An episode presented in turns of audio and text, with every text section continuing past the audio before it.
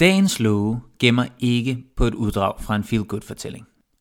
Den er derimod alvorlig og tankevækkende. Uddraget stammer fra Amalie Skrams dobbeltroman Professor Hieronymus og på Sankt Jørgen fra 1895. Heri bliver kunstmaleren Else indlagt på et psykiatrisk hospital på grund af en personlig og kunstnerisk krise. Behandlingen på hospitalet gør hende dog ikke rask. Tværtimod.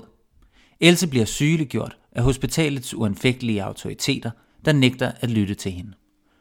Romanen er en klaustrofobisk og foruroligende, men også vigtig fortælling, som sætter spørgsmålstegn ved, hvad psykisk lidelse er, og hvem der kan definere det. Citat.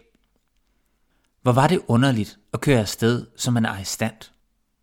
Else drejede uafladeligt hovedet fra højre til venstre og så ud gennem vognens vinduer.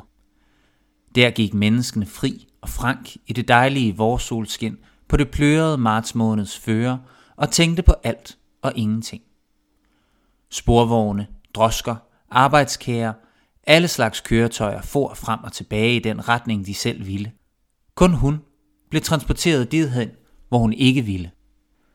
Hun tilhørte nu en kaste, som samfundet ikke regnede med.